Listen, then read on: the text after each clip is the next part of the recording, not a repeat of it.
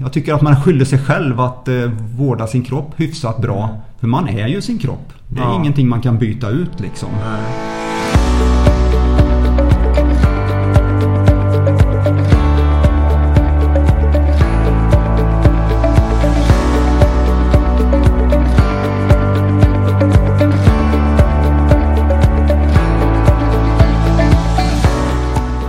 det 16 avsnittet i Bättre med årens poddradioserie Peptalk får ni möta en 58-årig officer från Skövde.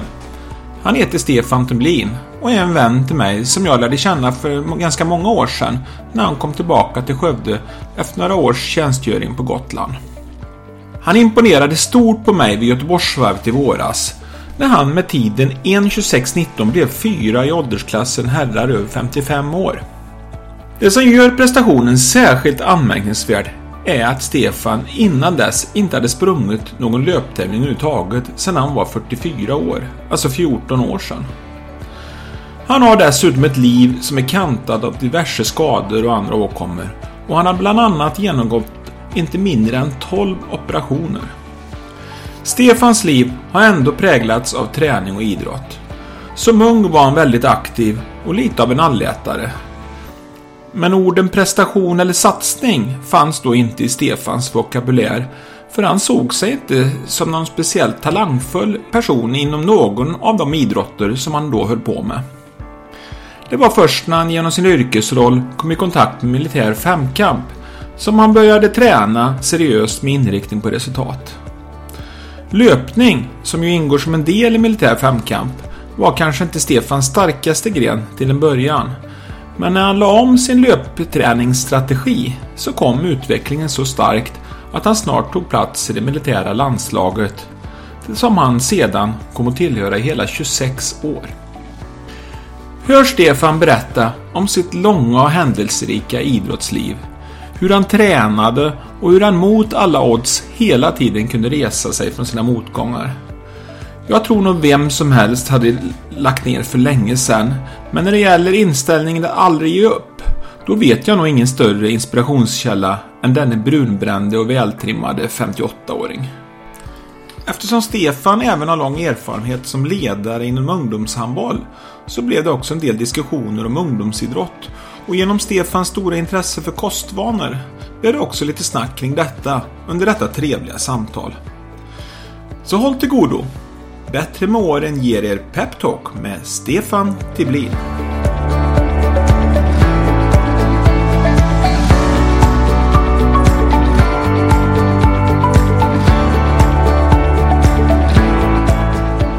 Även om jag anser att jag själv har levt ett aktivt och händelserikt liv så känns det ändå som jag hamnar lite i lä nu när jag sitter här med en vän som jag faktiskt lärde känna för ganska många år sedan. Han ser ung, brunbränd och oerhört fit ut. Och det är kanske inte så konstigt för träning har alltid varit en självklar del av hans liv. Men även om man har en diger idrottslig meritlista, särskilt inom militär idrott, så har hans karriär varit kantad av motgångar. Jag tror nog vem som helst hade lagt ner för länge sedan. Men när det gäller inställningen att aldrig ge upp så tror jag inte jag vet någon större inspirationskälla än denne 58-årige officeren från Skövde. Jag hälsar dig välkommen till Bättre med åren, Stefan Tiblin. Tack så mycket. Då skulle jag vilja börja med att fråga, vem är Stefan Tiblin? Ja, som du sa, jag är 58 år och eh, jag bor i Skövde, har ett hus i centrala stan. Jag är gift med Susanna och jag har två döttrar, Sara och Elsa. Och eh, sen tre månader så är jag morfar till en liten tjej som heter Lycka. På fritiden så eh, är det framförallt familjen och vänner och resor som är mina största intressen. Förutom då min eh, fysiska träning.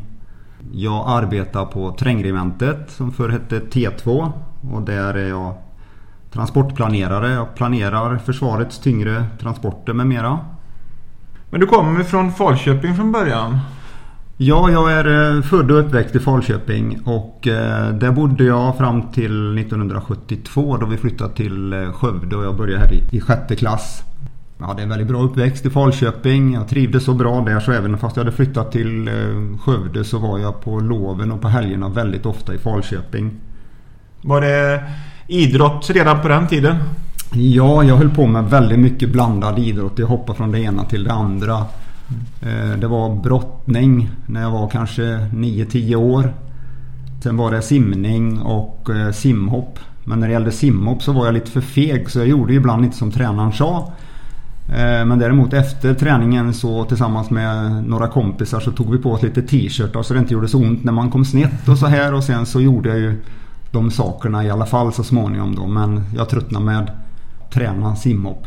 Det var lite skämthopp om man säger så? Ja, det blev lite man spexade och man hjälpte varandra på svikt. Den ena hjälpte den andra och svikt, ja, ja. tryckte till så man kom riktigt högt. Ja. Och eh, det slutade med att, eh, eller sagt jag, jag började med att hoppa skämthopp för publik.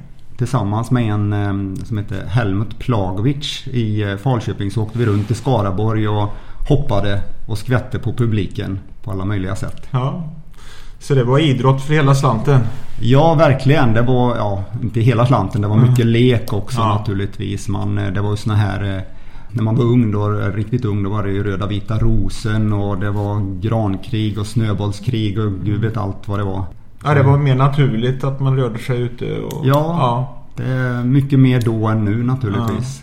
Ja. Var det bara individuella sporter du höll på med eller höll på med eh, lagsport också? Jag har en eh, kort intensiv fotbollskarriär i eh, BK Rapid i Falköping. Eh, jag började ungefär när jag var 16 och slutade när jag var 18. Det var en väldigt rolig tid. Att hålla på med lagidrott är något alldeles extra. Vi hade en väldigt eh, bra tränare där. Hård och rättvis. Eh, vi fick vara med om två Gotia Cup. Det var ju jätteroligt att ja. möta tyska och norska lag. Och slå kulen på vingen var det en som sa där. ja. ja, det var riktigt roligt. Ja. Sen sa du att du hade varit engagerad i boxningsklubben också. Ja, Hur hamnade du där? ja, jag vet inte riktigt. Men eh, jag höll ju på med brottning och så var det faktiskt lite tyngdlyftning också. Mm. Och eh, av någon anledning så fick jag frågan om jag kunde hjälpa till och eh, eh ja, ta hand om fysträningen i boxningen. Mm. Så det, det gjorde jag då. Det var väldigt allsidigt idrottande för din del när du var... Är det någonting du tror har varit bra för din karriär senare i livet? Ja, det tror jag. Ehm, jag tror att det har, jag har fått en ganska bra koordination. Även om, jag inte, även om det inte märks när jag går på något eh, sånt här eh, friskispass eller någonting. Då tycker jag att jag har värdelös koordination. Men eh, ser man då på militär hinderbana som jag höll på med. Så tror jag att min allsidighet gjorde att jag hade ganska lätt mm. för just hinderbana. Mm. Och, och simningen då som jag när jag var typ ja, ja, när jag var ung då. När jag höll på med simningen där. Då hade jag ju glädje av sen också i, i femkampen. Ja, och eh, jag har ju även kört ett triathlon. Mm. Den här Billingebragden. När det var ja, ett triathlon. Mm. Eh, innan det blev en handikapptävling. Mm. Så att eh, lite glädje har jag haft utav ja. det. Vad var det du tyckte var roligast? Var det uthållighetssporter eller var det tekniksporter? Eller var det liksom... Jag vet inte vad jag ska säga det men jag, när jag höll på med fotboll i alla fall. Jag hade ju ingen teknik. Jag var ju ingen som eh, gjorde några fantastiska saker med bollen. Däremot så jag, var jag den som sprang runt och jagade hela tiden. Mm. Så jag hade ju bäst kondition i, i eh, BK Rapid. Och, eh, eller ja, i juniorlaget i alla fall då, som är det laget jag spelade i. Men eh, kände du att du hade talang för någon sport som liten? Ja, simning var jag nog rätt så bra på ja. tror jag. Även om jag liksom aldrig tävlat mer än på väldigt eh, låg nivå mm. som liten då. Eh, sumsim tror jag det hette ja. och sånt där. Var du en tävlingsmänniska? Oh ja, det har jag alltid varit. Ja, det, det har jag alltid varit. Um, är det så fortfarande? Att du gillar att tävla? Ja, jag har ganska svårt för att uh, ställa upp i ett uh, lopp. Ja, nu har jag slutat tävla egentligen för många år sedan men att bara ställa upp i ett lopp för att springa igenom. Mm. Det, det ligger inte riktigt för mig. Utan eh, tyvärr så får jag den här tävlingsdjävulen i mig. Så att jag skall om liksom. Det är på gott och ont mm. då. Det har ju varit bra när jag har tävlat men kanske inte lika bra när jag motionerar. Mm. När du kom upp sen lite då i tonåren och kanske övre tonåren och så här. Och då kommer det ofta in lite annat i livet som kan störa idrotten så att säga. Eh, var du en idrottsnörd eller eh, hade du livet vid sidan om också? Som du upplevde det eller? Ja det var väl en liten period där eh, eh när Jag gjorde ju lumpen i, i Skövde på P4 1978-79 eh, där. När jag slutade med fotbollen och innan jag började med militär femkamp. Då, då tror jag inte jag idrottade särskilt mycket mm. mer än det vi var tvungna till i, ehm, ja, i försvaret så att mm. säga. Du var inte på någon idrottspluton eller något Nej, sånt? Nej, sånt. Eh, däremot så det var ju massa orienteringar och man sprang mm. mycket och sådär mm. naturligtvis. Men eh, jag höll inte på med någonting på fritiden Nej. då. Du hade liksom ingen, ingen idrott egentligen som du satsade Nej, på? Inte, på inte alls. Då, nej. Eh, om, om vi håller oss kvar lite vid ungdomar och, och ungdomsidrott. För det, det, vet jag ligger det ganska väl om hjärtat då. Ja, absolut. Du har bland annat varit eh, ledare i Skövde HF i rätt många år va? Som ja, ungdomsledare. Ja, ungefär 12 år var jag i eh, handbollsflickorna i Skövde. Ja, då har du ganska mycket kunskap och erfarenhet från det kan jag tänka mig då. Ja, eh, att vara ledare för ett lag det är väldigt givande tycker jag. Man får vara med om så mycket och man får se glädje och man får mm. Eh, ja, uppleva motgångar och försöka ta sig igenom och, och så här. Mm. Ehm. Tror du idrotten betyder mycket för våra ungdomar i samhället? Jag tror att det betyder väldigt mycket. Ehm, men tyvärr är det ju så att väldigt många som inte idrottar.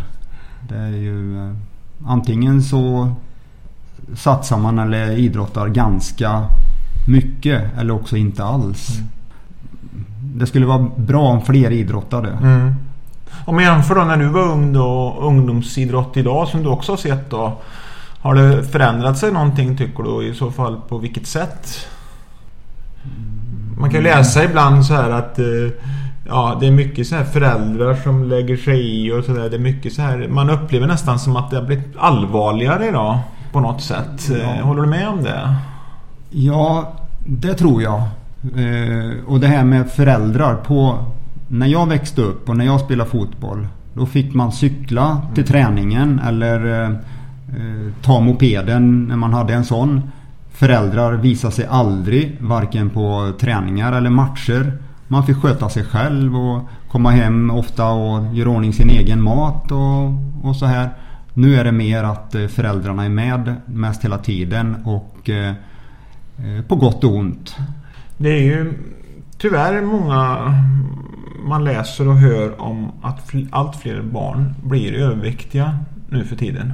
Ja. Vilket är eh, tragiskt skulle jag vilja säga.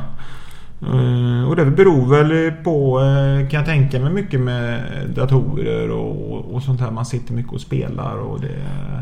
Ja, absolut. Om man ser till eh, väldigt små barn tror jag idag får eh, en eh, platta mm. Eh, där de får spela spel.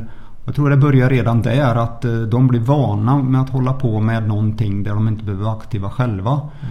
Mm. till skillnad mot förr då när man det var lego, man lekte med Märklintåg och man var ute i sandlådan och man klättrade i träd. Mm. Och det var så mycket annat som gjorde att man mm. nästan alltid var i rörelse.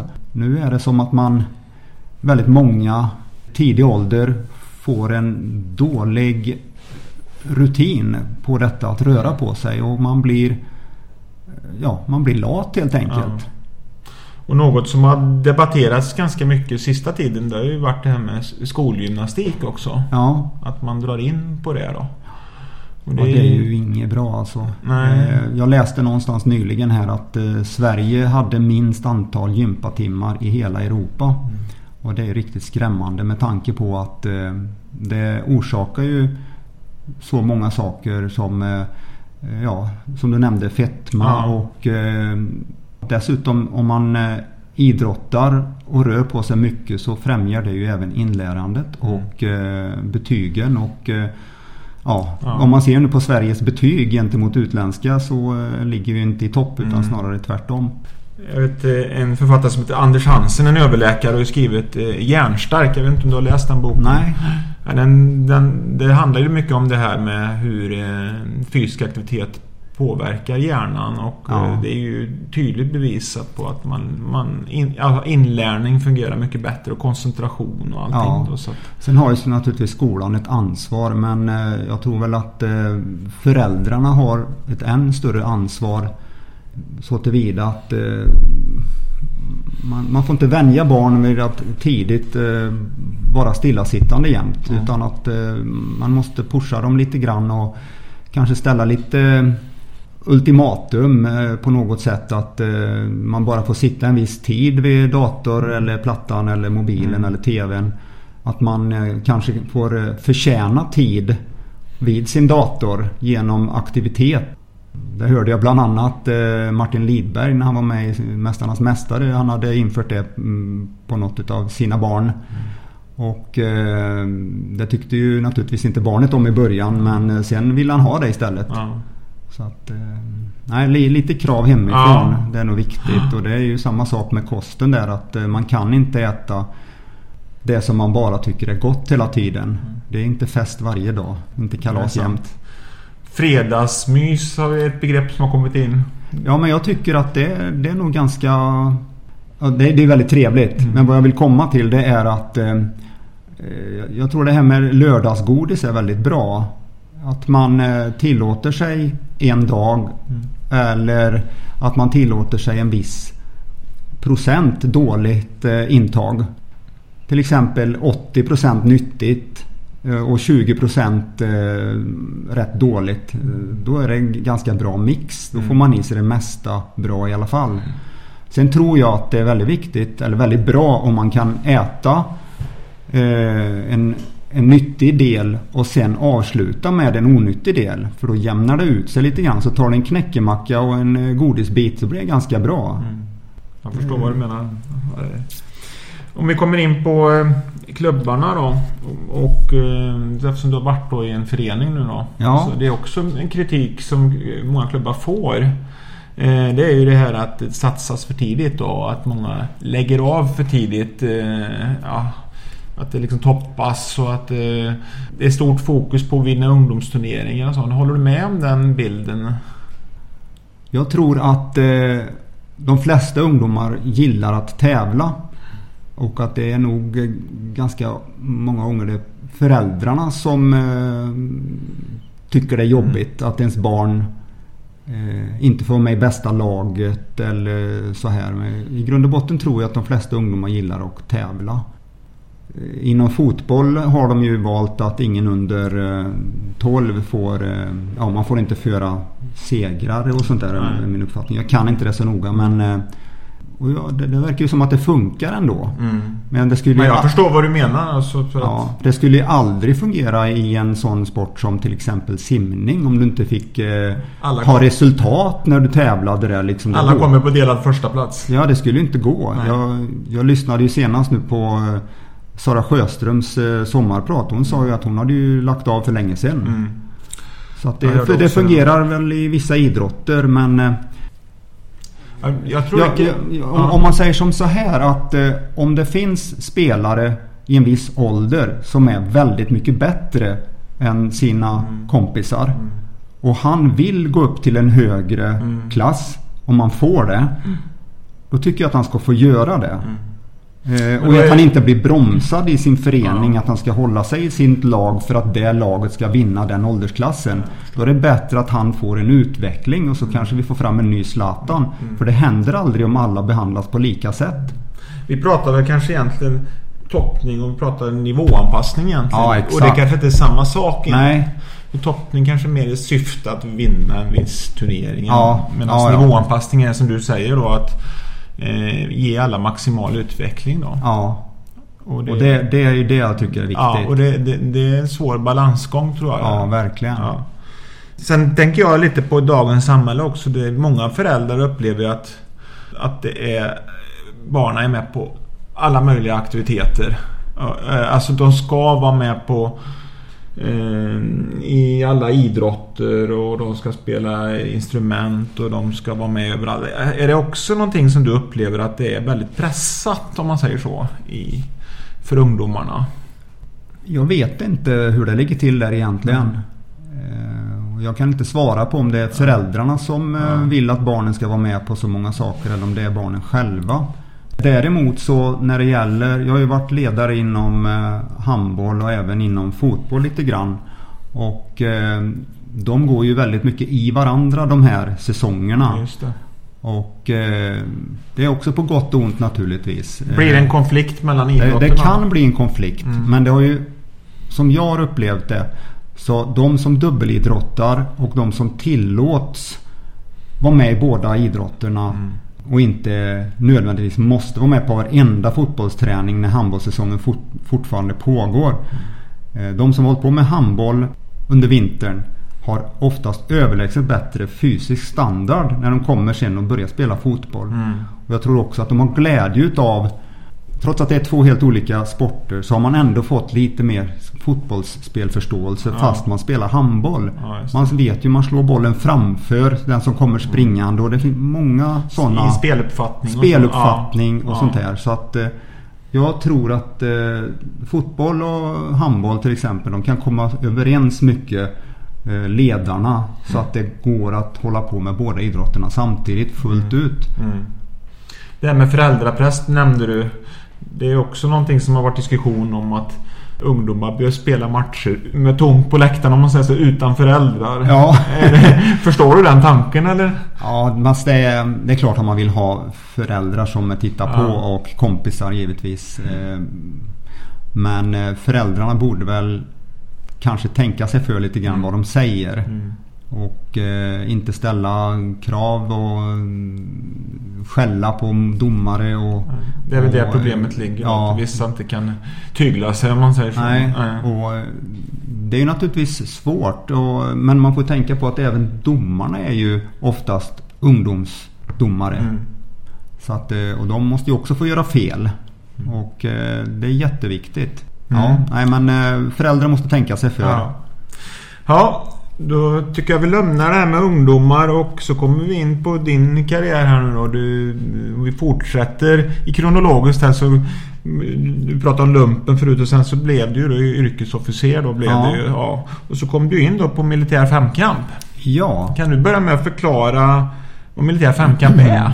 Ja, det är ju en eh, väldigt liten sport i Sverige men den är eh, ganska stor i Europa och väldigt stor i vissa länder såsom Brasilien och Kina och så här där det finns många, många hundra, kanske tusentals proffs som håller på med detta på heltid. Och, eh, men i Sverige är det en väldigt liten sport och eh, på 80-talet var den ju lite större och den har väl blivit tyvärr ännu mera mindre nu då. Mm.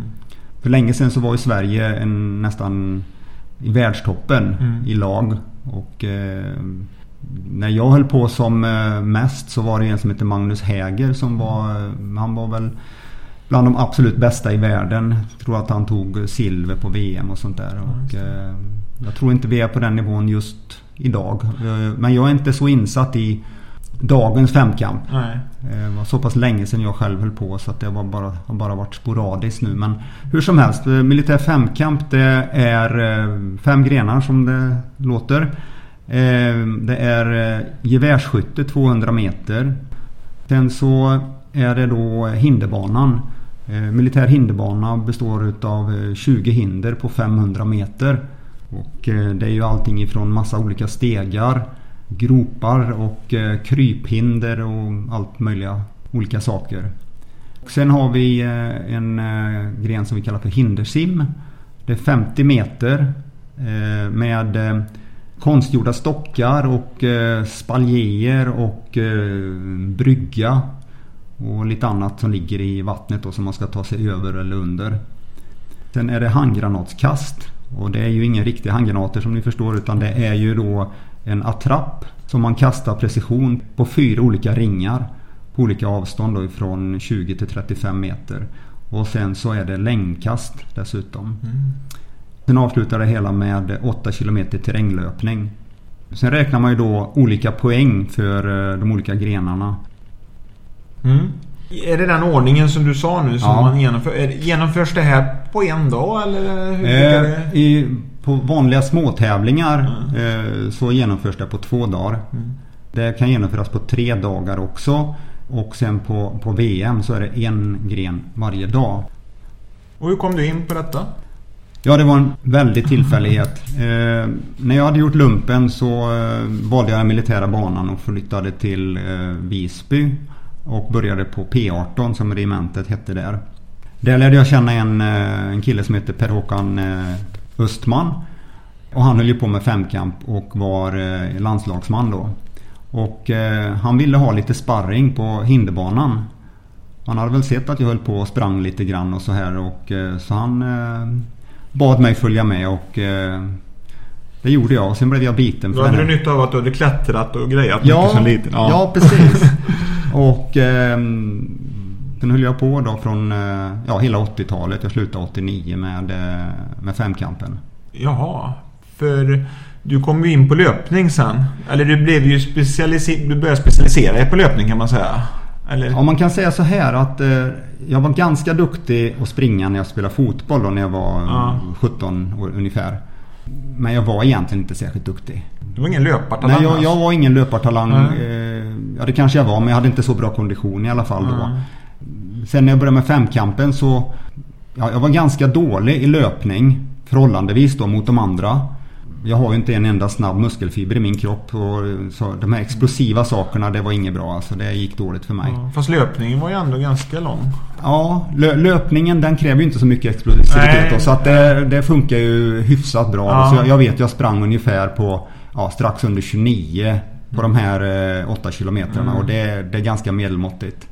Men det berodde mycket på att jag tränade ju helt fel. Och eh, det var ju svårt det här att hinna med alla fem grenarna plus att man var tvungen att köra styrketräning. Ja, man fick ju genomföra två, ibland till och med tre grenar om dagen. Förutom att man jobbade också heltid också. Mm. Så det var ju svårt att lägga en massa timmar på, på att springa. Så att när jag sprang då så det blev ju ofta att jag sprang eh, tävlingssträckan 8 kilometer. Allt vad jag hade ett par gånger i veckan. Och sen fick det vara bra med det. Mm. Och, eh, det är ungefär som en del motionärer som inte har lärt sig så mycket om träning gör. Ja, ja. precis. Och, eh, Nybörjarmisstag kan man säga. Ja, mm. för man, eh, man, man, det sägs ju att man blir bra på det man tränar och ja. men inte riktigt så. Det stämmer ju inte riktigt då. Kanske upp till en viss nivå men... Ja, ja. Sen, sen fick jag lite tips och råd utav en av de duktigaste löparna i femkampen.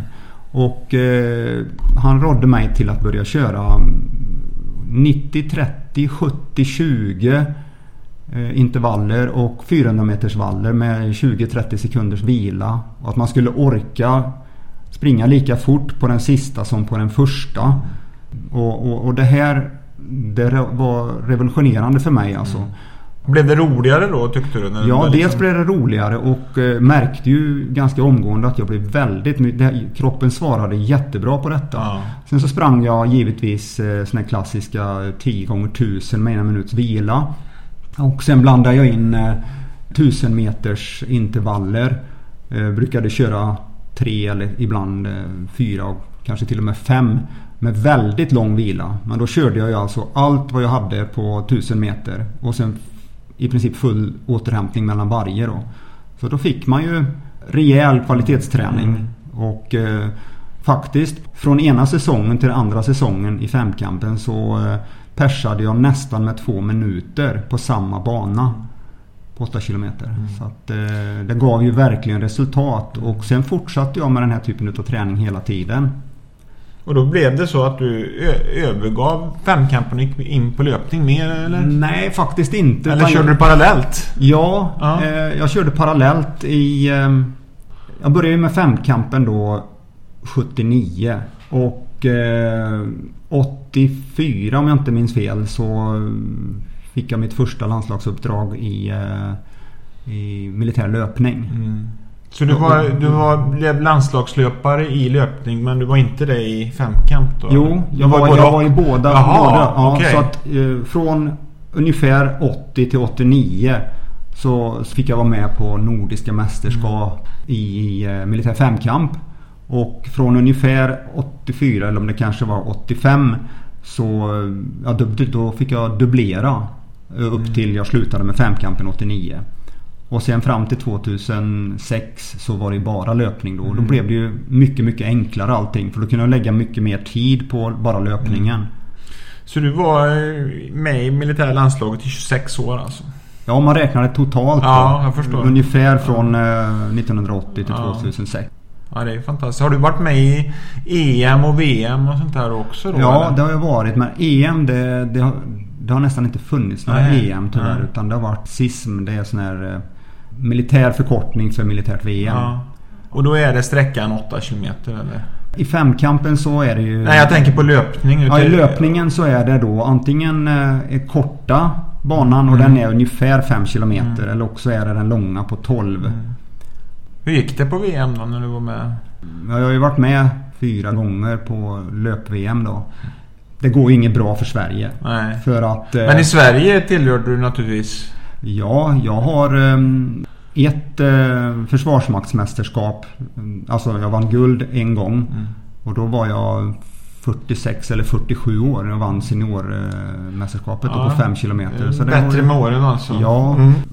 Ja, sen hade du en civil karriär också. Vid sidan om då. Ja, eh, jag tävlade ju. Jag satsade ju mest på den militära biten. Men Ja. i och med att man sprang så mycket så var det ju roligt att springa civila tävlingar. Ja. Då blev det banlöpning också då eller? Det blir mest eh, civila tävlingar i terräng. Men, men jag sprang ju eh, egentligen allting. Ifrån 3000 och uppåt. Bana och terräng och lite asfalt och sådär. Vad är dina främsta meriter inom, i, i din löpkarriär? Säger, jag, jag har noterat faktiskt 8.52 på 3000, stämmer den? Ja, det är jag väldigt, väldigt Ja, det- nöjd med. det med förstår tanke, jag. Med tanke på att jag, jag är bättre på längre sträckor. Ja, ja. Så, eh, men det, det kommer jag ihåg, jag satte det i Norrköping där och eh, jag tror också då att jag var runt 40 år när jag sprang. Mm. Eh, jag har lite dåligt, dåligt för att komma ihåg. Men du, var, du blev bättre på senare år. ja, jag hade väl inte riktigt gett kroppen eller mig själv chansen att vara bra när jag var lite yngre, när jag var senior. Med tanke på lite problem med att jag var vegetarian och inte fått i mig tillräckligt med näring, näring på grund av eh, okunskap. Mm. Och, eh, det är lättare att vara vegetarian nu än det var på 80-talet kan jag Mm, säga. mm. Men eh, som senior har jag aldrig några större framgångar på civil löp, löpning. Liksom. Man var ju chanslös mot eh, Håkan Börjesson och, Ja. och de här andra löparna. Ja. Men eh, jag tror att jag har eh, Ju äldre jag har blivit ju närmare Sverigeeliten har jag liksom kunnat hålla mig. Mm. Men jag har inga märkvärdiga meriter egentligen. På, jag har sprungit milen på 31 och jag har gjort halvmaran på 1.10.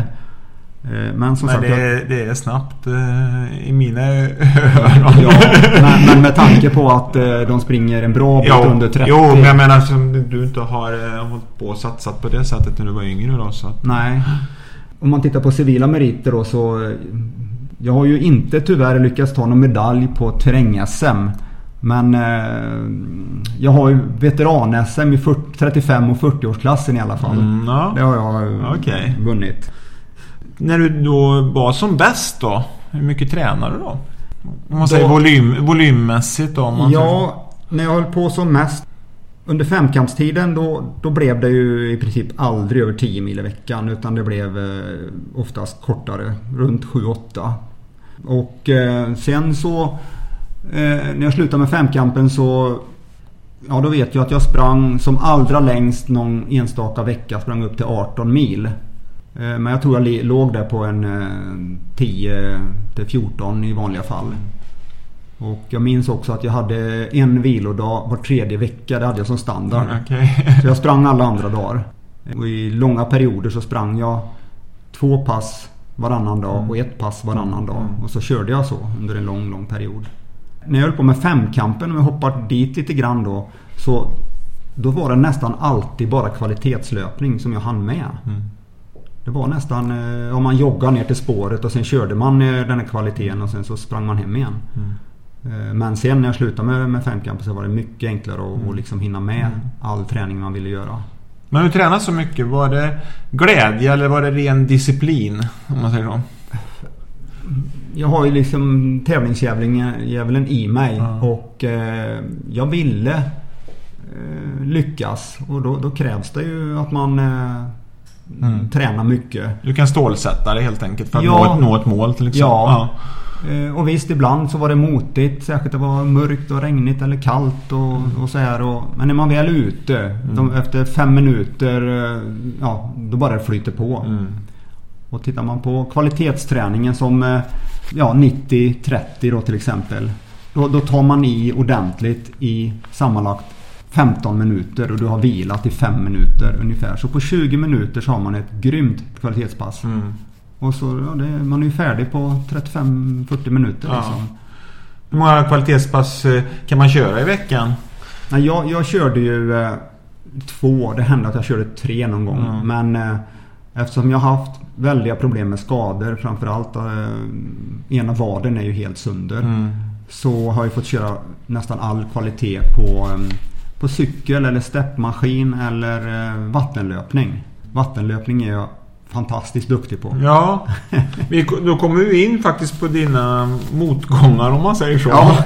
Det kanske inte låter så upplyftande att prata motgångar men Nej. det är ju egentligen det som jag egentligen vill en hel del vill lyfta fram hos dig också. Det här med att aldrig ge upp. Ja, Att, alltid, att man alltid kan resa sig på något sätt. För det är ju väldigt lätt det här att man man kan ha det som ursäkt sen att eh, alltså det, det är ingen idé jag är skadad men det går alltid hitta sätt att komma tillbaka på Ja. ett eller annat sätt. Ja. Och det tycker jag att du en- ett väldigt bra bevis på. Kan, om vi tar då lite snabbt. nu blir det som Börje Salming ungefär som är Ja. sydd över hela kroppen. Men du, du har alltså opererats, om jag fattar 12 gånger i knät till exempel. nej inte... inte alltså, Nej, jag- jag- 12 operationer totalt. då. Ja, ungefär 12 operationer Ja. sammanlagt och varav sex stycken i knäna då. Det är meniskerna flera gånger och det är löparknä och lite annat. Mm. Och in och shava som det kallas också lite. Och, Ja. och, ja, så att... eh, Men om vi ska ta alla mina krämpor och skador så tror jag inte programmet stiger Nej, till. Men du har, du har tvingats till mycket uppehåll i din karriär. Ja, och både- mycket rehab. Ja, och en del saker har ju varit helt i onödan. Som då när jag höll på med militär femkamp så eh, då var ju löpning bara en bisak för mig. Eh, Det ingick i i femkampen och så här. Och för skojs skull så ställde jag upp i Lidingöloppet eh, 1981 till 85. Och eh, det gick ju fantastiskt bra alla gångerna och jag hade bra tider på gång. Men varje gång så fick jag ju kramp. Precis i slutet utav eh, Lidingöloppet. Och, och det var inte då i abborrebacken. Det bara jag flög fram över den. Och jag tyckte att det här kommer ju gå jättebra. Men eh, sen springer man över en liten golfbana och sen är en liten knix kvar. Och där stod jag ju och försökte få upp kramp varje gång. Du fick kramp på samma ställe Ja, va? i princip där. Jaha. Det började väl lite, rycka lite innan då men sen var det... Det här var 86. Ja. Då, då var det en, eh, en läkare som sa att eh, det är compartment-syndrom. Det är lätt att fixa. Mm. Eh, Men tyvärr så var det en annan läkare som opererade som aldrig hade gjort det innan och jag fick komplikationer, blödningar, fick operera om och det var jättebesvärligt och det lider jag ju av än idag. Mm. Och detta har gjort att jag har inte kunnat eh, liksom, träna kvalitet löpmässigt särskilt ofta. Jag kunde ju ha ställt mig själv frågan Har jag fått kramp innan på alla andra lopp? Nej, aldrig. Hur viktigt är det att springa Lidingöloppet? Ingenting. Det är, en, det är en helt självförvållad operation. Jag kunde lika gärna ha låtit bli den och sen hade jag inte haft några problem. Jag tänker att kramp vet man väl inte än idag riktigt vad det beror på. Nej, det kan ju bero på för trånga muskelhinnor. Det kan men det, det kan ju bero på för lite näring i kroppen, Ja. magnesium, Ja, salt och, och sådana saker. Så att det var inte säkert att det var dem. Mm. Jag tror att jag hade helt friska vader som man Det helt var enkelt... en slump att det blev Ja. på samma ställe varje Ja, gång. och sen dessutom då att jag eh, var vegetarian. Ja, jag hade det. ju problem med magen och undersöktes för gluten och annat. Mm. Men en läkare sa att eh, jag tror att det är en kraftig magkatarr. Så pröva att vara vegetarian ett tag så tror jag att det blir mycket bättre. Ja. Och redan efter bara någon månad så mådde jag ju 100% bra. Ja. Av bara farten så fortsatte jag sen i nästan 10 år innan vi gjorde en, en fullständig analys på mig. Jag var ju kraftigt undernärd. Men vad kommer det sig då? För jag menar det är ju många som lever som vegetarian. Ja. Hade du inte kunskapen riktigt Nej, då eller? Jag, jag åt inte tillräckligt bra. Nej. Eh, det är mycket enklare att vara vegetarian idag liksom. Men, jo men, men du, du måste kanske ha lite mer koll på vad, så du får i dig allting ja. tänker jag. Men alltså jag visste ju att det här med att få i sig järn var besvärligt. Så jag åt ju järntablett och jag tog multitablett och jag drack sån här blutsaft tror jag det heter. Och mm. käkade paltbröd. Så jag hade extremt höga HB-värden. Men det här serumjärn som en idrottsman måste ha ganska högt. Där låg jag kraftigt under gränsvärdena. Och då klarar man inte bland annat att... Eh, då klarar inte kroppen av att ta hand om mjölksyra särskilt bra. Och, eh, vilket innebär att jag springer inte tillräckligt bra på hinderbanan och jag är inte tillräckligt bra på eh, ja, ta hand om mjölksyra helt enkelt. Mm. Och hinderbanan är ju den eh, grenen som är eh, mest mjölksyra av allting som finns i hela världen, tror jag. Var det svårt sen att gå över och äta animaliskt? Inte, inte mm. det minsta. Mm. Det, jag började direkt. Eh, men nu så jag ju, jag äter ju fortfarande ganska mycket vegetarisk mat. Jag äter kött ja. kanske en gång i veckan. Jo, men det är väl så att vi kanske borde äta lite mer grönt. Ja, gemene man om man ja, säger. Det, så är det ju. Ja, så är det ju. Ja. Jag tänker på det här du säger du fick kramp där. Är det anledningen till att du aldrig har genomfört ett maraton? Eller aldrig, du har aldrig ens startat ett maraton? Nej, Nej. det har jag inte gjort. Nej. Tror du du kommer genomföra ett maraton någon gång?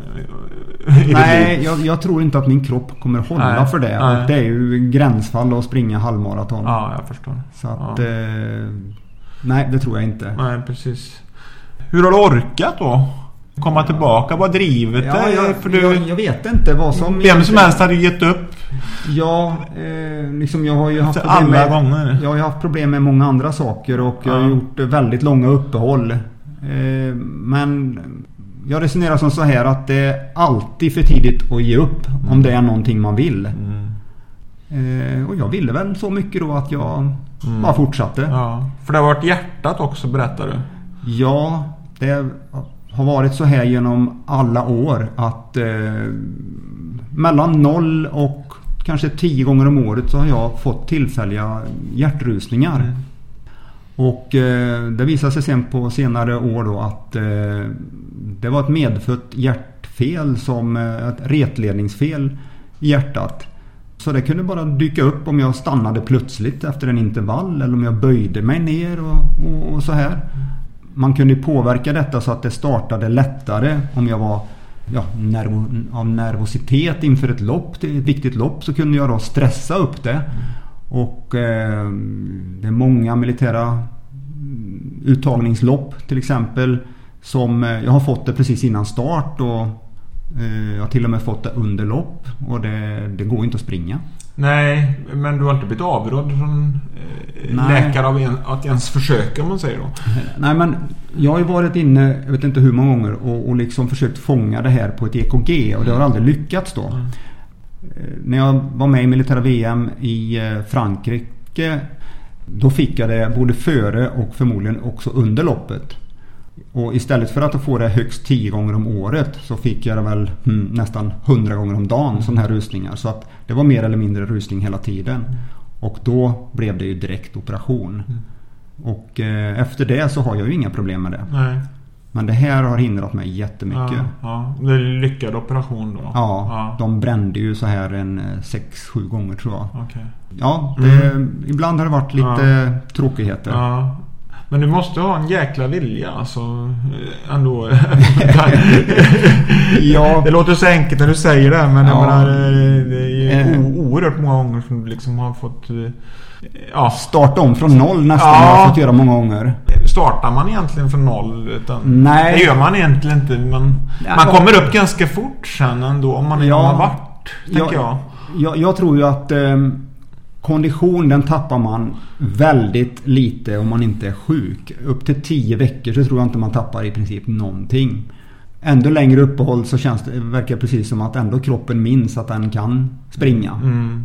Men jag har ju haft alltså, halvårsvis med uppehåll. Mm. Eller långa uppehåll. Mm. Kan man inte springa då kan man ju oftast göra någonting annat. Styrke, styrketräning på överkroppen.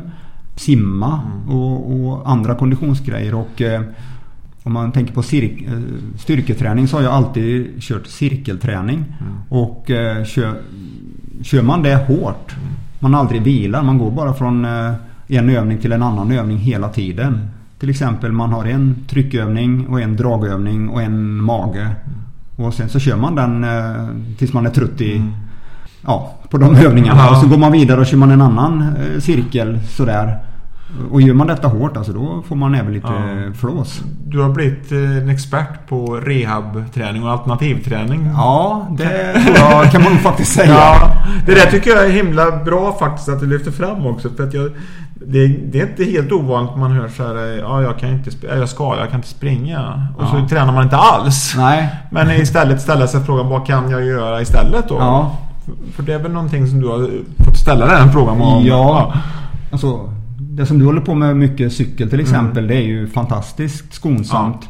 Ja. Och eh, jag har inte cyklat många mil. Jag har inte gett det chansen att liksom bli duktig på cykel. Men däremot så har jag kört istället för att köra tre minuters intervaller på löpning så har jag kört det på cykeln istället och så här. Och jag tror att det är ganska effektivt. Nej men det är väl det att uh, se, se möjligheter. Vad kan man göra istället då, ja. så att säga. Och, och, och, hitta alternativ ja. i träning. Ja. Sen, sen ehm, ett eh, alternativ eller alternativträning som jag har gjort då, förutom vattenlöpning som jag tycker är väldigt bra. Det är ju eh, en steppmaskin. Man bara står och pumpar med benen. Ja, det är ju ungefär som en crosstrainer fast man bara använder benen och trycker ner. Jag har ju på grund av vaden som är trasig så har jag ju aldrig kunnat springa bra uppför. Eh, men ett år när jag var skadad i foten så kunde jag ändå köra steppmaskin. Så jag körde ju en hel vinter bara steppmaskin hela tiden. Mm. Och eh, det var den vintern innan jag vann eh, Försvarsmästerskapen mm. på en väldigt kuperad bana. Och jag som aldrig har kunnat springa bra uppför. Men det kunde jag efter att ha kört steppmaskin kan jag säga. Ja, du byggde upp andra kvaliteter. Ja, precis. Ja. ja, precis. Omedvetet då. Ja. ja, det är bra. Sen kan det ju vara så här ibland när du blir skadad. Alltså ibland kan det ju bli en kick också då. Att det blir liksom mentalt. Speciellt om man kanske är, ligger på gränsen till att vara sliten och så ja. här. Att det liksom, kan vara bra att komma ifrån också. Jag säger inte att det är bra att bli skadad men du förstår vad jag menar. Ja. Att uh, tvingas ibland till ett litet uppehåll som man kanske inte tar annars. Ja. Uh, det finns ju många exempel på idrottare som har kommit tillbaka starkare än någonsin ja. efter en skadeperiod. Ja. Så det, det finns nog någonting där också. Ja, jag hörde din eh, podd med Rune Larsson. Ja, han och han pratade, pratade om det här, de här långa uppehållen. Om man kunde få en superkompensation ja, verkligen. Och, det, och Jonas, ligger... Jonas Bud, det var ju jätteintressant egentligen. Ja, ja. Det, det som hände där. Ja. ja. Och de här som eh, föder barn och ja. kommer tillbaks. Va? Det är ju ofta de är väldigt bra. Och det, när man tänker efter så kan man plocka fram ganska många sådana exempel. Ja. Du, du höll på då till 2006 sa du. Ja. Eh, eh, och då tränade du då kanske då på 10 mil i veckan sa du ungefär. Ja. ja. Sen ändrade du träning helt då. Hur tränar du idag då? Eller från 2006 då? Ja, jag trodde ju att jag skulle ha lite svårt med motivationen mm. när jag slutade med tävlingsidrott. För det, det blev ju ett tomrum. Mm. Man saknade ju det här att åka runt och tävla och uh, träffa uh, ja, idrottsfolk och, och, så här. Men uh, det var inget problem. Jag, jag liksom bestämde mig för att jag ska försöka springa varannan dag. Mm. Komma ner på en, en lagom motionsnivå. Mm av många anledningar. Jag som alltid varit ganska bra tränad fysiskt. Jag har svårt att tänka mig mig själv att vara helt otränad. Mm. Och, och liksom dra på mig massa extra vikt och, och, så här. Och, nej, så att jag tycker jag har hittat en lagom nivå. Jag, jag springer varannan dag. Sen kör jag två, ibland tre gånger styrketräning i veckan. Så att eh, jag tränar väl nästan varje dag ändå då, mm. fast på en mycket lägre nivå. Ja, just. Eh, Har du då en, en favoritrunda du kör varje gång eller varierar du någonting? Eh, vi har ju ett fantastiskt eh, berg att springa på. Ja. Men eh, jag springer nästan alltid hemifrån eh, för att spara tid. Mm. Förr så kunde jag springa upp till berget men eh, då har jag ont i vaden när jag kommer upp så då, det klarar jag inte nu. Då, så att, eh, nu har jag sprungit mina runder till leda här nere. Det, Nej, jag, jag springer. Det är runda Ryd eller runda Skultorp kan man väl säga då. Och jag har ju sett dig springa förbi här och du, du är helt inne i en ljudbok va? Ja, absolut. Du varken ser det, eller- det är min passion alltså. Ja. Det, det har ofta gjort att jag till och med springer längre än jag hade gjort om jag inte hade haft den här ljudboken. för att det är så spännande så att jag tar runt kvarteret några varv extra liksom, Ja. för att lyssna färdigt. Det är ju intressant det där för att en del vill ju inte alls ha ljudbok utan de, Nej. Alltså, så det är väldigt olika. En del vill ha musik kanske och många vill bara höra naturen då. Ja. Men, så det är väldigt olika det där hur man triggas av eh, ljud i öronen då. Ja, alltså det är underbart att springa ut i skogen och höra fågelkvitter och um, egna tankar och, och så här. Eh, och musik kan också vara bra och så här. Och, men om man vill koppla bort sina egna tankar helt. Då, då, alltså, lyssnar man på talbok då kan du inte tänka på något annat. För då är du inte med i talboken. Och eh, ja. det är skönt att, att liksom vara inne i en, eh, en talbok. Det blir ju som en film i huvudet. Och eh, jag kör ju den alltid när jag springer nästan. Eh, Jag kör när jag kör bil och när jag klipper gräset och eh, skottar och kör styrketräning. Jag kör talbok jämt. Ja. Om jag inte gör det med någon annan då. Ja. Då har jag naturligtvis ingen bok nu. Ja. Men jag springer väldigt mycket själv. Men du springer för ja, välmående om man säger så. Du har inga mål egentligen. Nej, jag vill eh, kunna fortsätta äta obegränsad. Jag älskar att äta och jag äter väldigt mycket. Upplever, upplever jag själv i alla fall. Jag äter ju ganska hälsosamt ändå men... eh, Det syns inte på dig att du äter mycket kan jag säga. Nej. men, eh, men jag har eh, det här... Jag gillar inte att bli mätt. Jag vill bara bli, bli lite lagom mätt och äta ofta istället. Och eh, jag läste någon artikel om eh, de som är hälsosammast och lever längst. Är en eh, del i Japan. Och eh, där har de det här att eh, de äter sig bara 80% mätta hela tiden. Det är någon ö utanför Japan. Det är en av de blå Ja, zonerna. ja, du har också hört om Ja, ja, det. ja visst. Ja. Jo, det... Och, och, Det är, väl, det, det är väl visat sig ganska, att det är ganska generellt. Det är inte vad man äter utan det är mängden, mängden man äter ofta. Alltså, Ja. Precis som du säger där att eh, man ska hålla igen lite på Ja. portionen om man ska leva Ja. länge. Och- och det- det- tyder ju allting på då. Ja, och det är ju rätt så konstigt att om man, om man äter många mål, alltså eh, säg 10 mål om dagen, små, än att äta dem exakt samma mat på tre gånger. Så går man ner i vikt konstigt nog om man äter de här ofta. Fast du inte har stoppat i det mer eller mindre. Ja, Det är intressant. Ja, det är det ju faktiskt. Du har eh, pluggat lite sånt där med kost och... Jag har gått lite utbildningar i, eh, ja, jag har gått eh, Försvarets gymnastik och idrottsskola. Eh, lite kost och näring, lite Ja. träningslära, massageutbildningar och... Är du certifierad i någonting? Mm, nej, det är jag Nej, väl inte. nej. Jag, jag har ju papper på att jag har gått Ja. eh, steg 3 idrottsskadeutbildning bland annat. Men Ja, det är just det. inga, inga märkvärdigheter alls. För du har varit ute lite i klubbar då och föreläst och sånt där då? Ja, det började väl med att jag pratade i Skövde HF för mitt eget eh, lag då, 93orna framförallt där. Sen pratade jag om samma sak för lite andra föreningar och åldersklasser runt omkring. Jag pratar ju om det jag tror på. Det finns ju inom eh, framförallt kosten då så finns det ju många olika läror och dieter. Ja.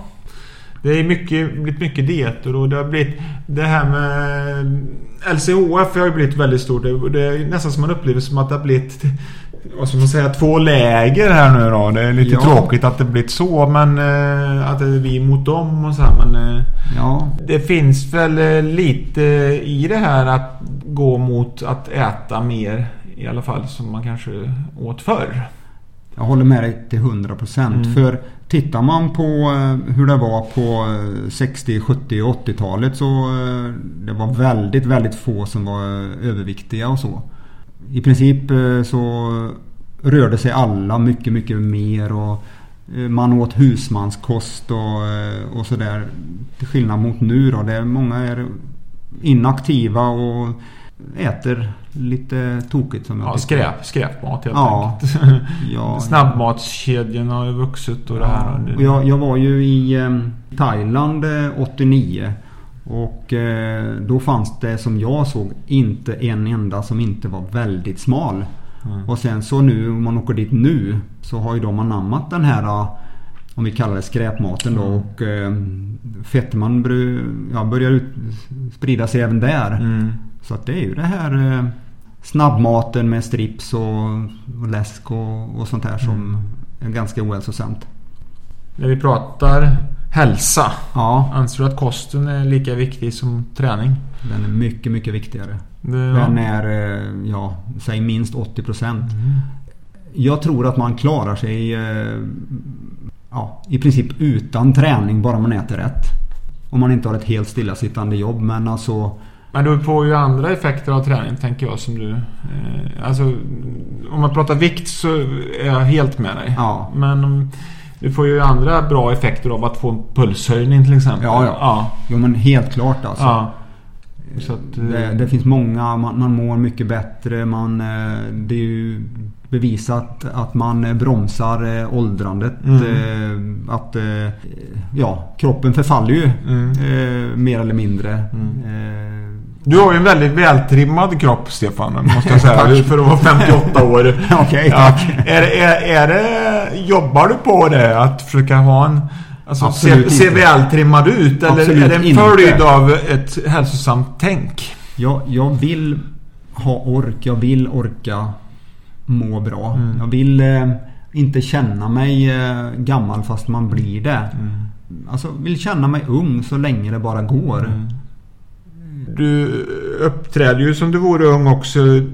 Du sprang nu Göteborgsvarvet då. och Det var egentligen därför jag fick upp ögonen för dig igen Ja. Stefan. För jag tänkte att du, nu är du kvalificerad för bättre mån. Alltså 58 år och så kör du på 2.26 här då, Göteborgsvarvet.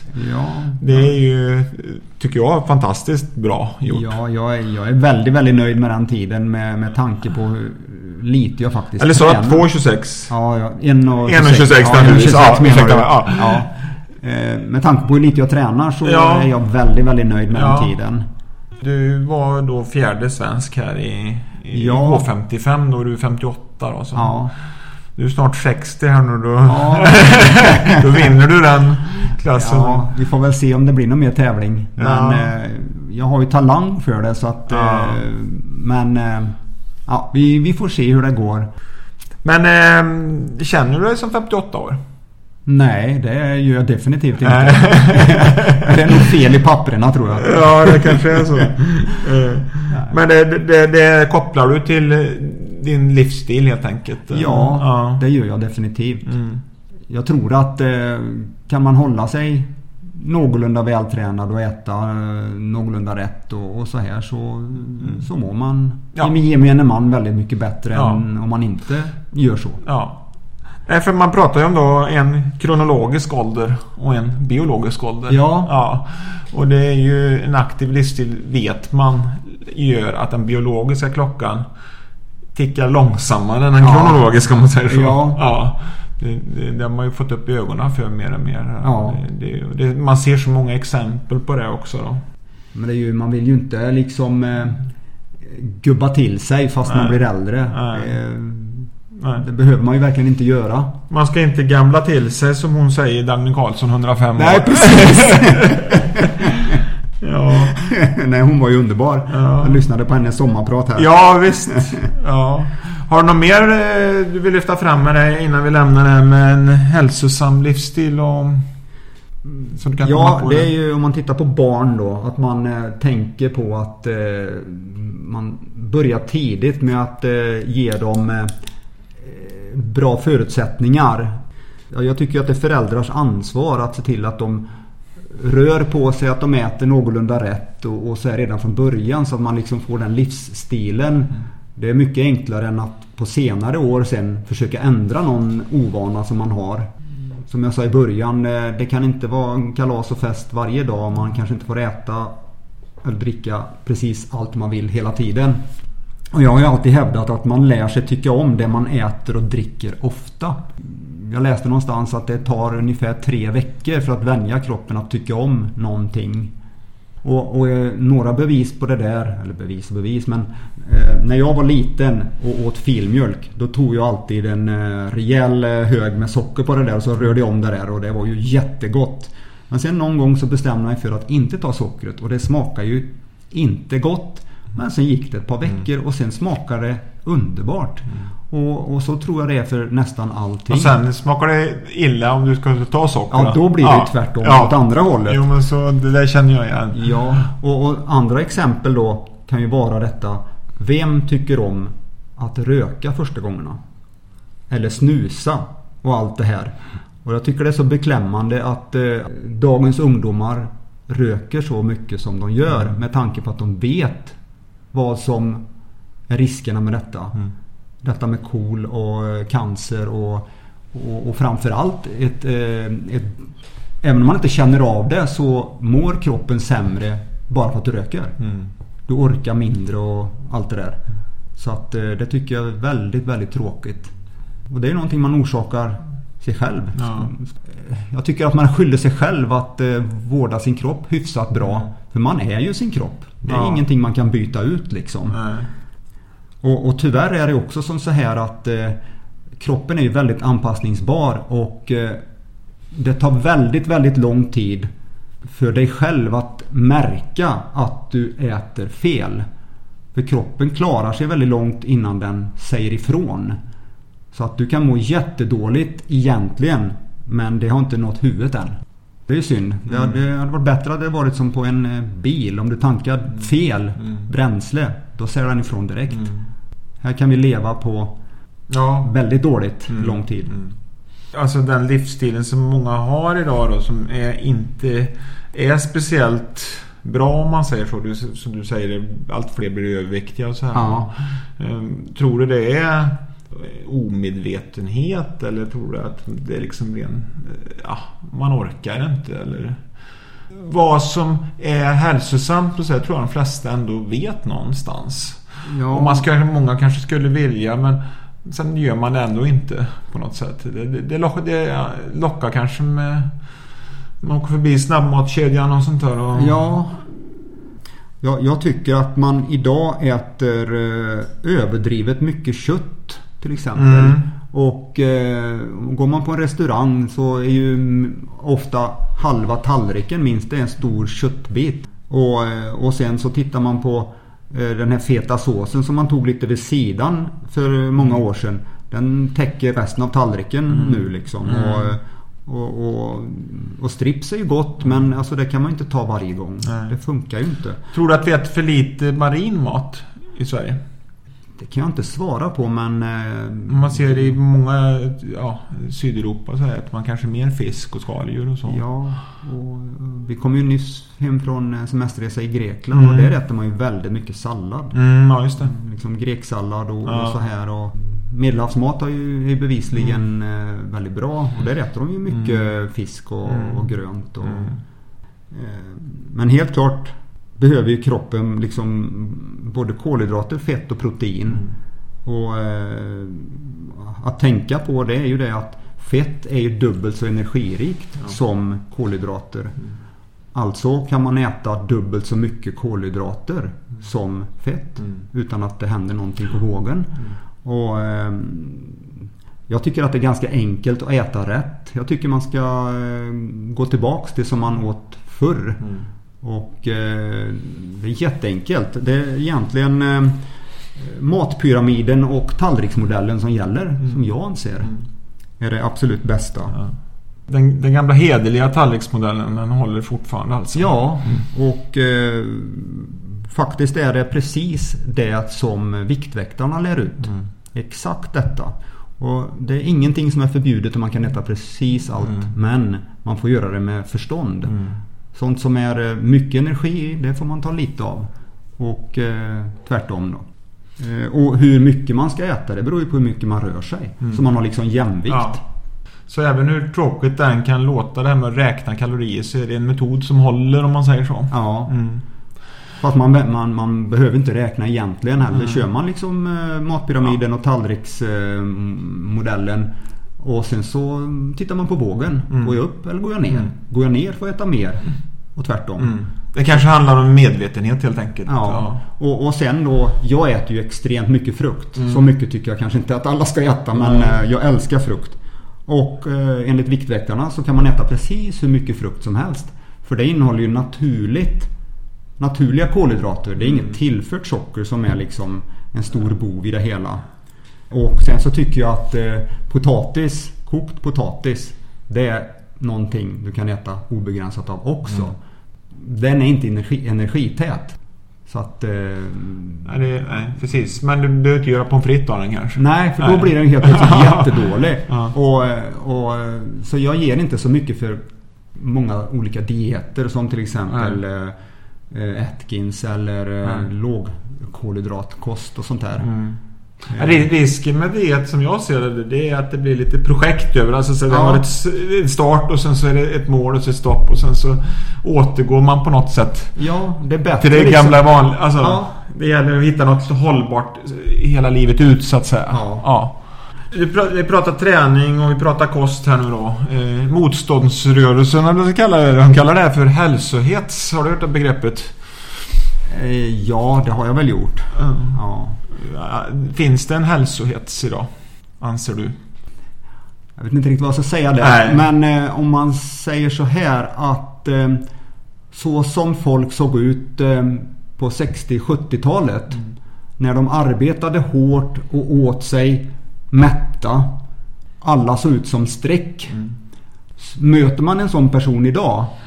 Då tycker, tror jag, den stora massan att det är en anorektiker som går där. Mm. Fast det är så man ser ut om man rör sig mycket och äter rejält. Det har blivit liksom det här vad som är normalt. eh, Det har liksom blivit något annat. Så det som var eh, smål förr det är liksom inte samma som nu då. Det såg man ju på de värnpliktiga. De steg ju från år till år. Eh, på grund av stillasittande och fel kost. Mm. Och det, det måste ju vändas tycker jag för att eh, annars så... Vi ser ju till exempel hur folk i USA ser ut, gemene man där. Ja. Eh, Jag läste någonstans att eh, rent teoretiskt som 20 år så finns det ingen normalviktig amerikan kvar. Mm. Hälsohets vet jag inte men jag hoppas att folk blir medvetna om, eh, om hälsan. Ja. Att man tar hand om sig Ja. och sina barn. Ja, precis. Ja, det var kosten då. Men om, nu, nu du, om vi går- kommer tillbaka till träning då. Det är roligare att prata om träning.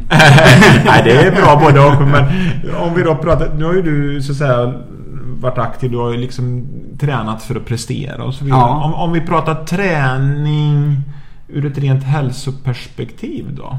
Hur tycker du man ska träna då? Är det löpning, styrketräning? Det Varierat kanske? Eller vad, Ja, vad är din uppfattning där? Till, till att börja med så En del säger att man måste hitta det som är roligt. Ja Mm. men träning kan inte alltid vara roligt. För tycker man inte om att ta i då blir ju allting tråkigt. Mm. Så att man får hitta någonting som man inte tycker är tråkigast. Ja. För träning det går ut på att man tar i lite grann. Mm. Mer eller mindre. Mm. Och som motionär så behöver man inte ta i speciellt mycket för att må väldigt mycket bättre.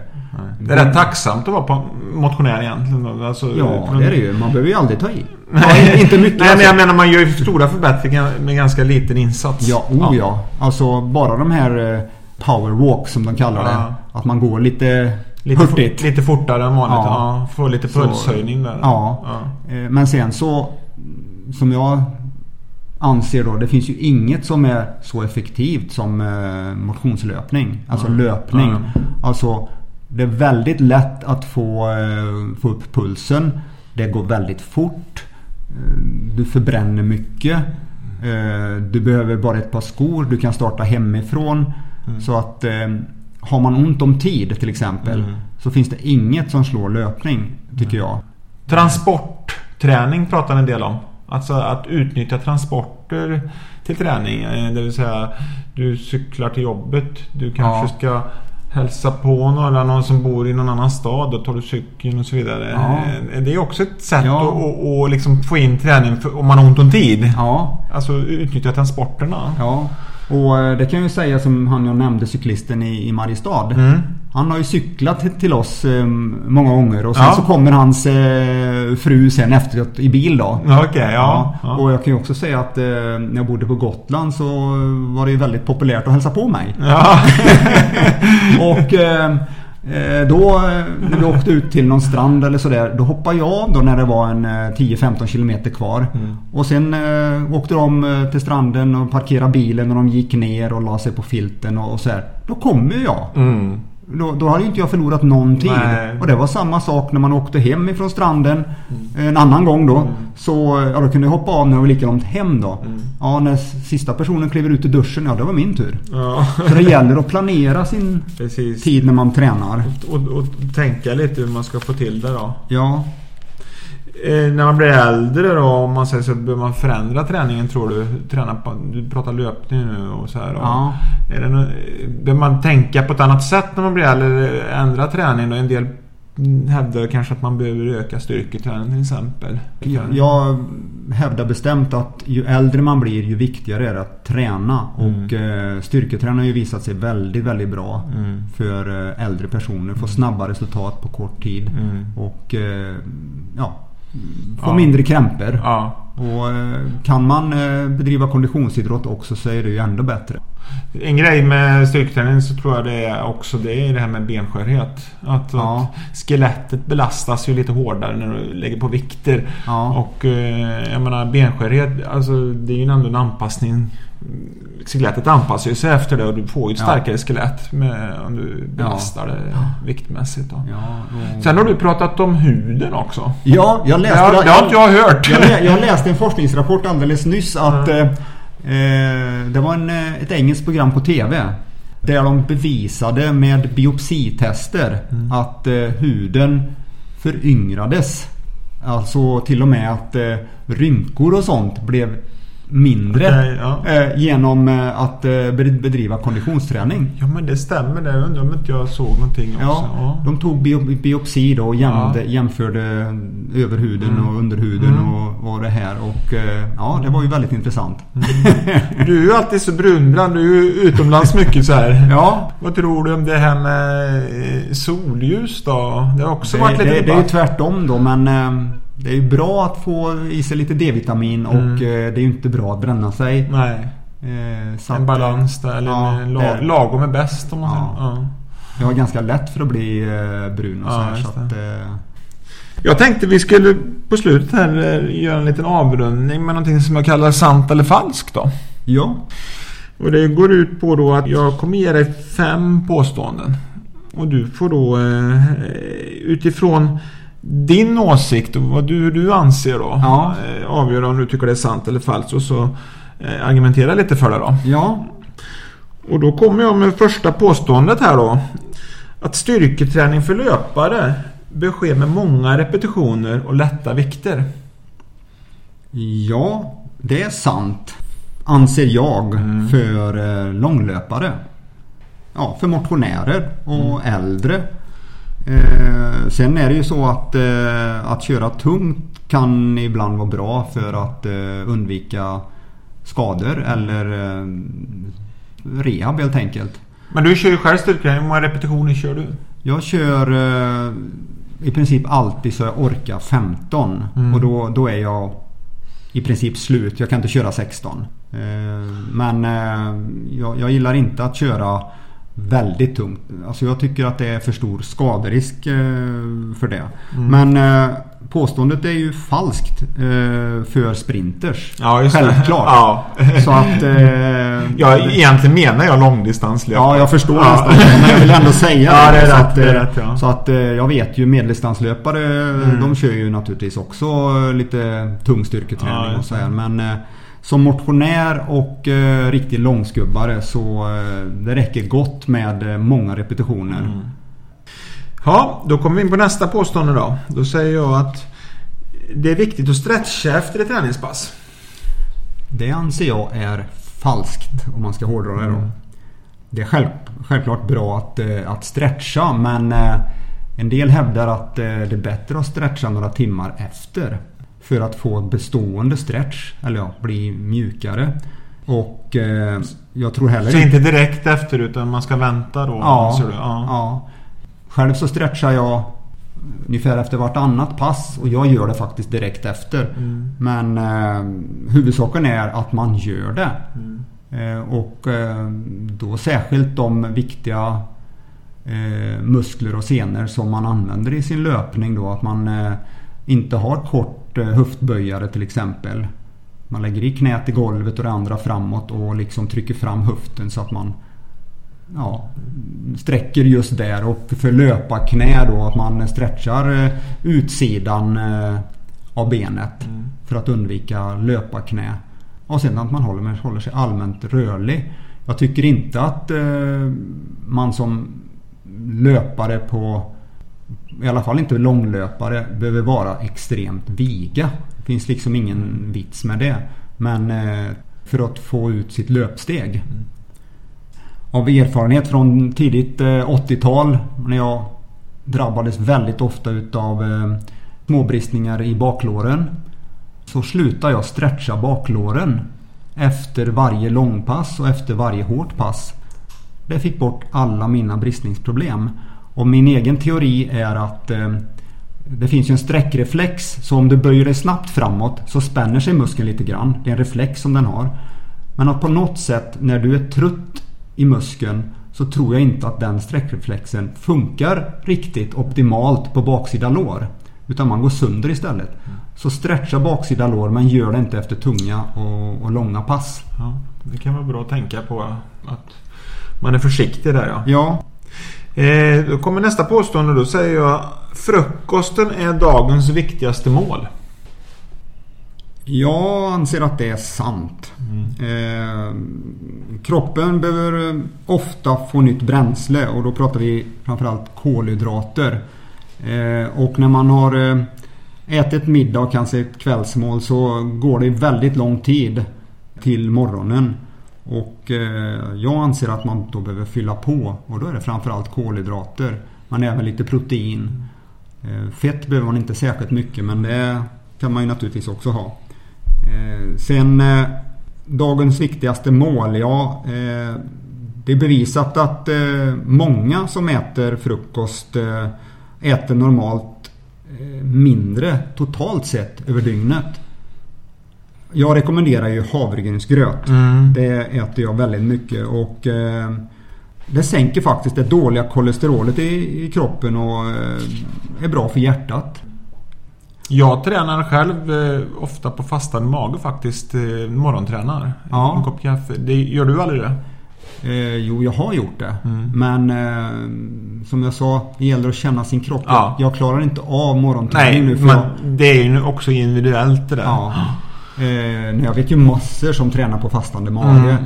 Och så, men eh, jag skulle tro att du äter när du kommer tillbaks. Ja, det är ju... Ja, så då, Ja, då och jag förespråkar också havregrynsgröt kan Ja, jag säga. precis. För att det, det har väldigt bra mättnadsindex. Ja. Ja. Jag läste jag också att det är Ja. väldigt högt på havregrynsgröt. Ja. Ja, men det är Ja. riktigt bra. Mm, man står sig länge på det. Ja. Mm.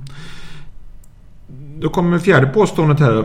Det är bättre att träna lätt och ofta än hårt och sällan. Jag anser det är sant. Eh, särskilt för äldre och motionärer alltså. Eh, sakta, ofta, länge. Är eh, skonsamt och väldigt bra effekt. Och eh, pratfart. Om man joggar så sakta att man kan prata i princip obegränsat utan att flämta för mycket. Det är inte speciellt jobbigt. Och eh, kan man springa i den farten ofta och länge så är det väldigt bra. Och då blir det dessutom socialt också. Ja. Kan du ha med en träningskompis. Ja precis. Och träningskompis är ju väldigt bra om man har svårt själv att liksom Ja. ta tag i träningen. Att man har Absolut. någon som pushar en. Det tror jag När man också. pushar varandra. Det är, nog, det är nog ett bra tips för sådana som vill komma igång och börja. Ja. Har svårt att komma igång. Att hitta en träningskompis. Nu finns det ju väldigt mycket med Facebook och sånt där. Man kan hitta grupper och sånt Ja, där. det är ju riktigt bra alltså. Ja, det är det faktiskt. Ja. Sen, sen det här att komma igång med löpning. Det är just detta att komma igång. Mm. För att de som inte gillar att springa, de som hatar att springa. Jag tror inte att de riktigt har gett löpningen chansen. Nej. För att antingen så har de sprungit för fort och varit för överoptimistiska. Alltså börjat för hårt helt enkelt. Mm.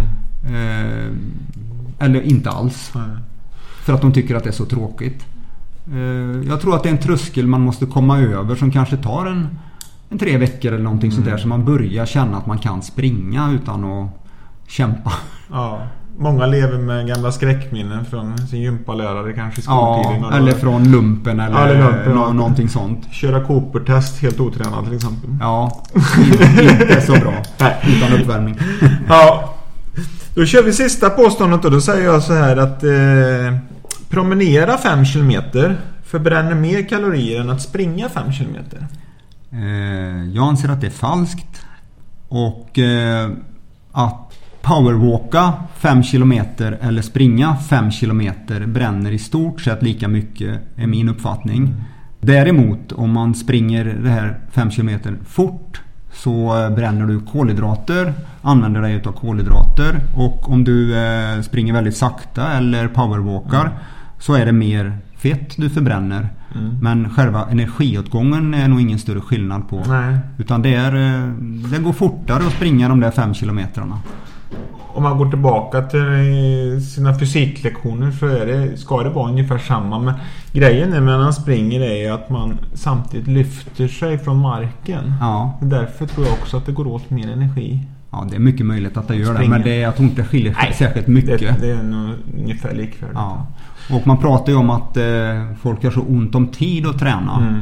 Och eh, ja, då är det ju fort, går det fortare om man eh, har lite högre fart. Ja, precis. Nej men då är vi klara då Stefan. Jag tänkte bara fråga om du har någonting du vill skicka med till lyssnarna här nu innan vi slutar. Ja, det skulle vara att eh, träning är extra viktigt för de som har ett stillasittande jobb. Där de rör sig väldigt lite både på jobbet och i vardagen. Desto mer viktigt är det för dem än för eh, en som jobbar med ett rörligt jobb till exempel på byggen eller så. Och det är ju allt fler som sitter vid dataskärmar idag. Ja, tyvärr är det Ja. ju så. Det är ju, sånt är livet. Med, de, ja, med de orden då Stefan så tackar jag för den här intervjun. Det var jättetrevligt att träffa dig och få prata med dig. Det var detsamma, jättekul Ja. att få vara med. Ja, så önskar jag dig lycka till i det framtida för du kommer väl träna livet ut antar jag. Ja, jag hoppas det. Jag eh, fick lite ont i knäna för några år sedan men eh, jag trodde jag skulle få sluta men nu är de bra igen. Ja. Tack så hemskt mycket Stefan. Tack så du